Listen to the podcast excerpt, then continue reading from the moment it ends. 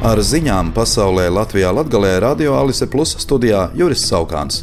Izraela šonakt turpināja uzlidojumus Hamas pozīcijām Gazas joslā. Tika bombardēts tunelis, ieroču noliktavas un komandu centri, ziņo armija. Mērķētā triecienā Gazas pilsētā tika likvidēta Hamas vienība, savukārt Irākā ar raķetēm apšaudītas divas bāzes, kurās izvietoti ASV karavīri. Irākā šobrīd izvietoti 2500 Amerikas Savienoto Valstu karavīru, kā arī vēl tūkstotis citu starptautiskās koalīcijas valstu karavīru. Hizbollah brigādes, viens no Irānai lojālajiem irākiešu grupējumiem, pieprasījis, lai amerikāņi pamet Irāku, pretējā gadījumā viņi dabūšot garšot elles ugunis. Pentagons paziņojis, ka Ķīna pēdējā gada laikā ievērojami palielinājusi kodolieroču krājumus. Tagad tās rīcībā esot aptuveni 500 kaujas galviņu. Kā teikts Pentagona publicētajā ikgadējā ziņojumā, Pekina cer līdz 2030. gadam dubultot savu arsenālu. Taču ziņojumā arī norādīts, ka Ķīna joprojām ietur politiku, kas paredz neveikt pirmo triecienu. Jāatzīmē, ka Ķīnas kodolieroču krājumi joprojām ir mazāki par Krievijas un Amerikas Savienoto Valstu arsenālu.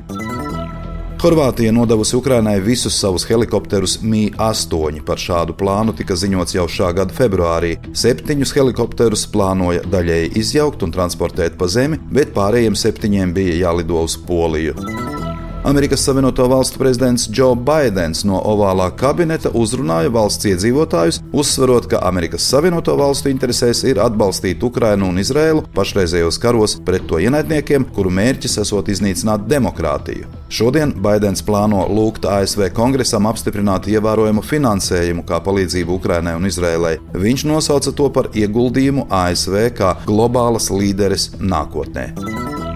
Reizeknas pilsētas dome nolēmusi likvidēt desmit amatus un izveidot vienu jaunu amatu Reizeknas pamatskolas attīstības centrā, kur mācās bērni ar dažādiem funkcionāliem un attīstības traucējumiem. Pārmaiņu rezultātā iestādes amatu sarakstā būs 41 amata vienība iepriekšējo 50 vietā. Uzklausot sēdē skolas direktori un ņemot vērā iestādes specifiku, deputāti nolēma saglabāt fizioterapeita un medicīnas māsas amatus. Šā gada 1. septembrī centrā ir samazinājies izglītojamo skaits 140 bērni iepriekšējo 220 audzēkņu vietā. Līdz ar to samazināts arī valsts budžeta mērķa dotācijas apmērs. Latvijas vēstnieks Izrēlā Evars Groza paudis medijiem, ka nestabilās drošības situācijas dēļ šobrīd nebūtu ieteicams atpūtas nolūkos ceļot ne tikai uz Izrēlu, bet arī kaimiņu valstīm, piemēram, Eģipti. Tā robežojas ar Gazas joslu, un tā kā kuru katru mirkli var sākties Izraēlas armijas sauszemes operācija Gazas joslā, Eģiptē tas var draudēt ar bēgļu straumēm.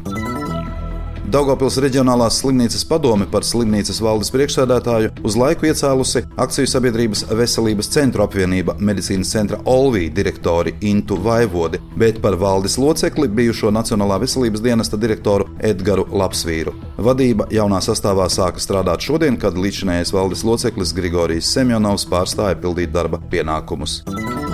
Pašvaldības Sijā Reizeknes namsaimnieks valdē Pētera Zalbes vietā iecelta uzņēmuma administratīvā direktore un juriste Juna Kjakšta. Zalbes pilnvaru termiņam tuvojoties beigām jau martā tika izveidota komisija jauna valdes locekļa amata kandidātu atlasē, un pēdējā gada laikā uz šo amatu organizēti trīs konkursi, taču kandidātu, kas atbilstu visām nepieciešamajām prasībām, tā arī nebija izdevies atrast. Daugoplī sestdien no 10 līdz 16 apmeklētājus aicina Lielais Rudens gada tirgus Rīgas ielā. Dalībai pieteikušies jau vairāk nekā 100 tirgotāji, pašmāju un ārzemju ražotāji, amatnieki un tirgotāji. Ar ziņām studijā bija Juris Saukants par ziņu raidījumu Ziņas bez robežām pasaulē Latvijā Latgalē saturu atbildes Jā Alise Plus projektu finansē Mediju atbalsta fonds no Latvijas valsts budžeta līdzekļiem.